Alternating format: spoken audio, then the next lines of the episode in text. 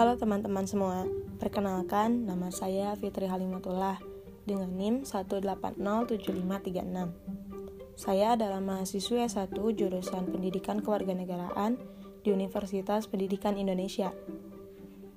Ini adalah podcast pertama saya dan di podcast pertama ini saya akan mencoba menjelaskan dan memberikan pemahaman tentang keingintahuan dan gagasan ide yang mana ini merupakan materi dari jurnalisme pendidikan kewarganegaraan. Kita mulai dengan keingintahuan.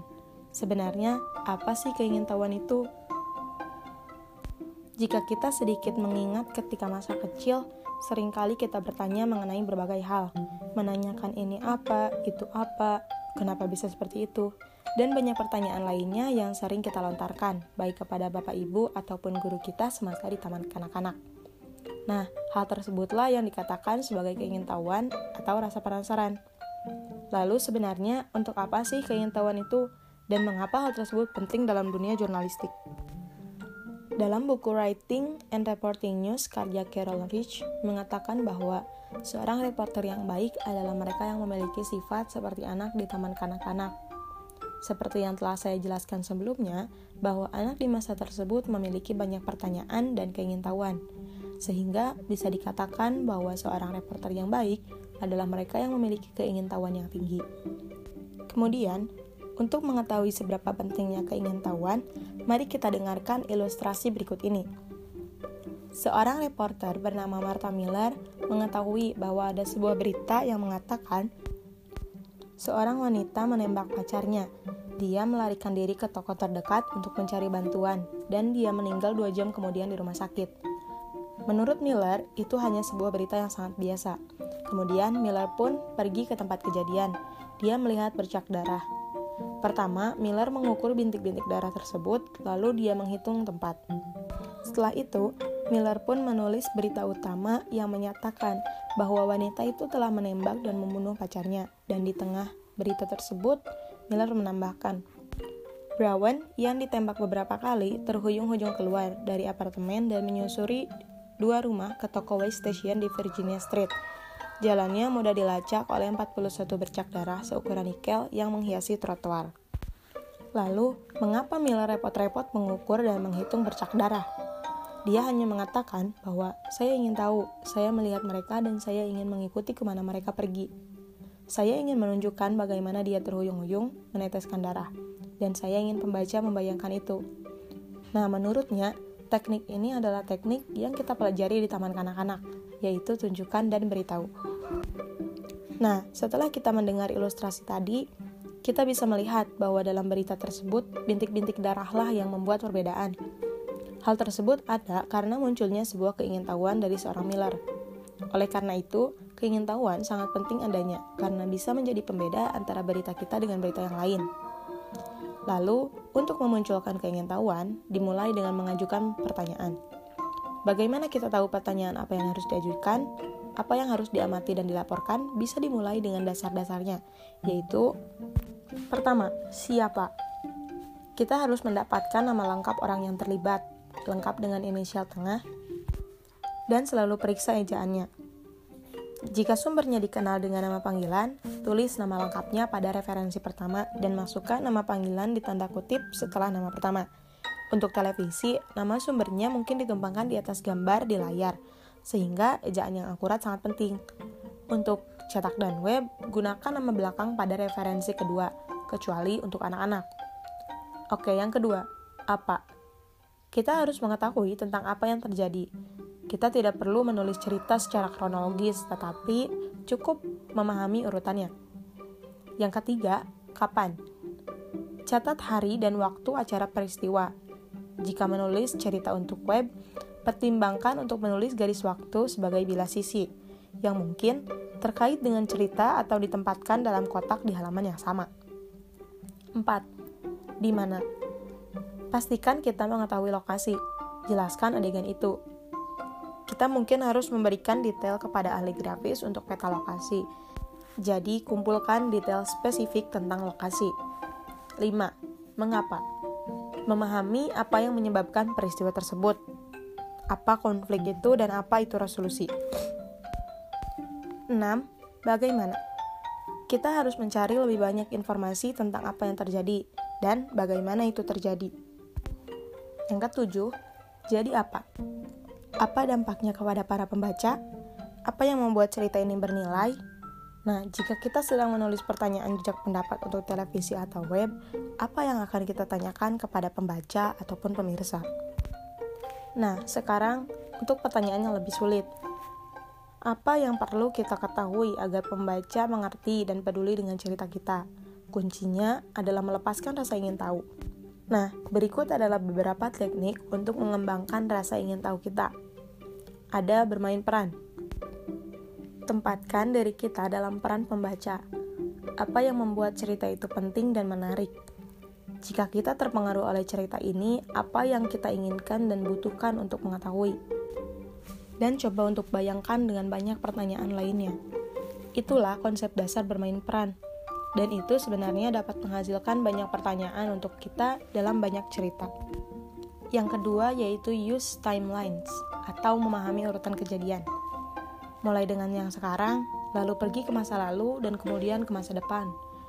Kita akan mempertanyakan apa yang terjadi sekarang, bagaimana tindakan ini berkembang, dalam urutan apa acara ini, apa langkah selanjutnya, dan pertanyaan yang melibatkan urutan waktu akan memberi kita informasi untuk latar belakang dan kronologi dalam cerita kita.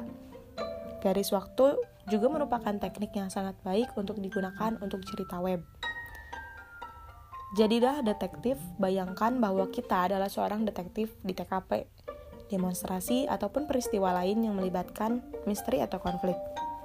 Pertanyaan apa yang akan kita tanyakan untuk menyelesaikan kejahatan atau masalah? Pertanyaan-pertanyaan ini akan berpusat pada apa yang terjadi, motif, konsekuensi, dan juga petunjuk untuk mengungkap kebenaran. Yang selanjutnya yaitu pengamatan. Penulis yang baik harus menjadi wartawan yang baik terlebih dahulu, dan reporter yang baik mengamati dan mengumpulkan detail dengan semua indera mereka, mulai dari penglihatan, suara, bau, dan kurang dari itu rasa dan sentuhan. Kita dapat menggunakan kekuatan observasi kita dalam cerita apa pun. Kemudian ada teknik dan tampil beraksi atau show in action. Jika kita ingin pembaca memvisualisasikan sumber atau adegan kita, Salah satu teknik terbaik adalah menunjukkan orang tersebut dalam aksi. Teknik ini lebih umum digunakan dalam cerita fitur dengan penulisan yang deskriptif. Tapi, itu juga bisa digunakan dalam berita-berita keras atau untuk petunjuk lembut pada sebuah berita. Apa pun jenis ceritanya, kita membutuhkan keterampilan pengamatan yang baik. Selanjutnya, fakta versus opini.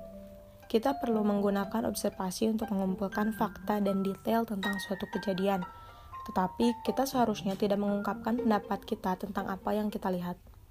Dalam berita, semua opini, penilaian, dan tuduhan harus dikaitkan dengan sumber. Di masa lalu, satu-satunya tempat untuk opini atau interpretasi wartawan ada di kolom, di cerita yang dilabeli analisis atau cerita orang pertama, yang biasanya didahului oleh catatan editor.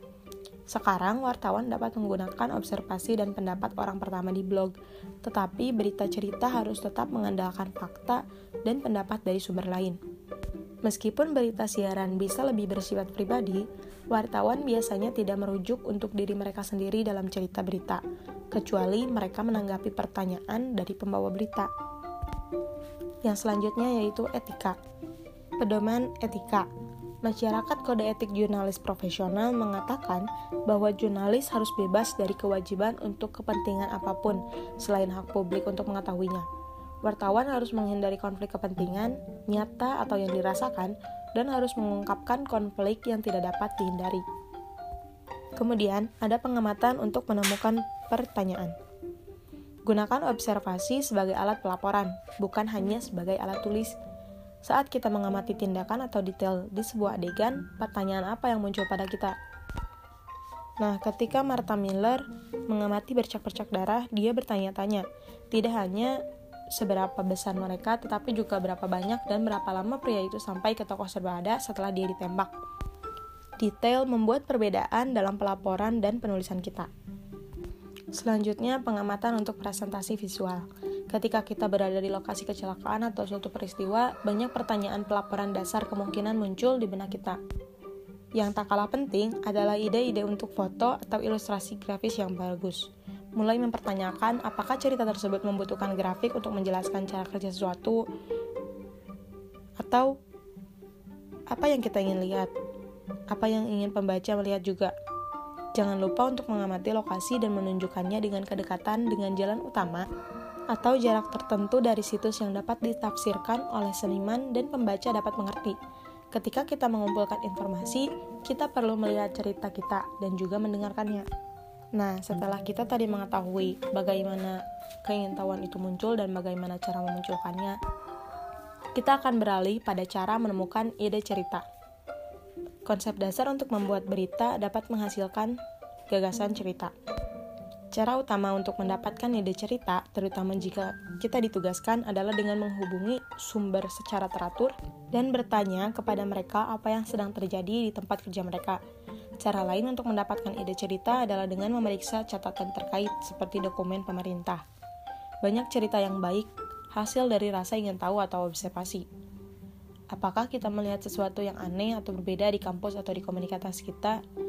Jurnalis foto biasanya unggul dalam mengamati orang-orang dan tempat-tempat untuk gambar yang bagus. Ide untuk foto yang baik juga mungkin ide untuk cerita yang bagus. Namun, ada juga beberapa saran lain atau cara lain untuk menemukan sebuah ide cerita. Ada brainstorming, kemudian periksa basis data atau memetakan topik, asumsikan pandangan lain, amati berbicara dengan orang banyak, periksa direktori, baca iklan baris, lokalisasi berita nasional, cari profil les, baca surat kepala editor, blog atau umpan balik di web situs, lacak program dan acara, ataupun menulis ulang siaran berita. Bisa juga dengan mengikuti isu dan tren yang saat ini ada. Oke, selanjutnya kita akan membahas mengenai internet. Kemampuan untuk mencari di internet berdasarkan topik menyediakan cara yang tidak mungkin untuk mendapatkan ide cerita. Jika kita mengetikkan kata kunci ke Google, yang merupakan salah satu mesin pencari paling populer, kita mungkin mendapatkan jutaan respons. Persempit istilah pencarian jika kita menginginkan informasi yang lebih spesifik. Internet juga menyediakan akses ke ribuan situs berita online. Dengan menjelajahi situs-situs berita seperti itu, kita dapat memperoleh ide cerita tentang masalah yang dapat kita sesuaikan dengan komunitas kita. Selanjutnya yaitu ada anggaran ide atau anggaran cerita. Anggaran cerita harian berisi deskripsi singkat tentang setiap cerita yang direncanakan untuk surat kabar, acara berita TV, ataupun situs berita online hari berikutnya. Setiap item anggaran atau garis anggaran dimulai dengan siput atau judul satu kata dan diikuti oleh beberapa kalimat yang menggambarkan cerita. Banyak organisasi berita juga menggunakan anggaran cerita perencanaan, menjelaskan ide cerita untuk minggu ini dan cerita jangka panjang. Garis anggaran juga merupakan alat untuk membantu kita memfokuskan ide-ide kita. Saat kita menulis garis anggaran, harus menjaga faktor jadi apa dalam pikiran. Garis anggaran adalah cara kita menjual ide cerita kepada editor kita. Jadi, harus membuatnya terdengar seperti sebuah berita penting atau ide yang meyakinkan. Untuk menulis berita anggaran, jelaskan idenya dalam satu atau dua paragraf, sertakan sumber dan kemungkinan potensial untuk foto ataupun grafik. Nah, teman-teman, itulah sedikit penjelasan dan pemahaman saya tentang konsep dari keingintahuan dan gagasan ide. Saya berharap semoga teman-teman yang mendengarkan bisa memahami dan juga menambah wawasan kalian dalam materi jurnalisme pendidikan kewarganegaraan. Sekian dari saya, sampai jumpa di podcast selanjutnya.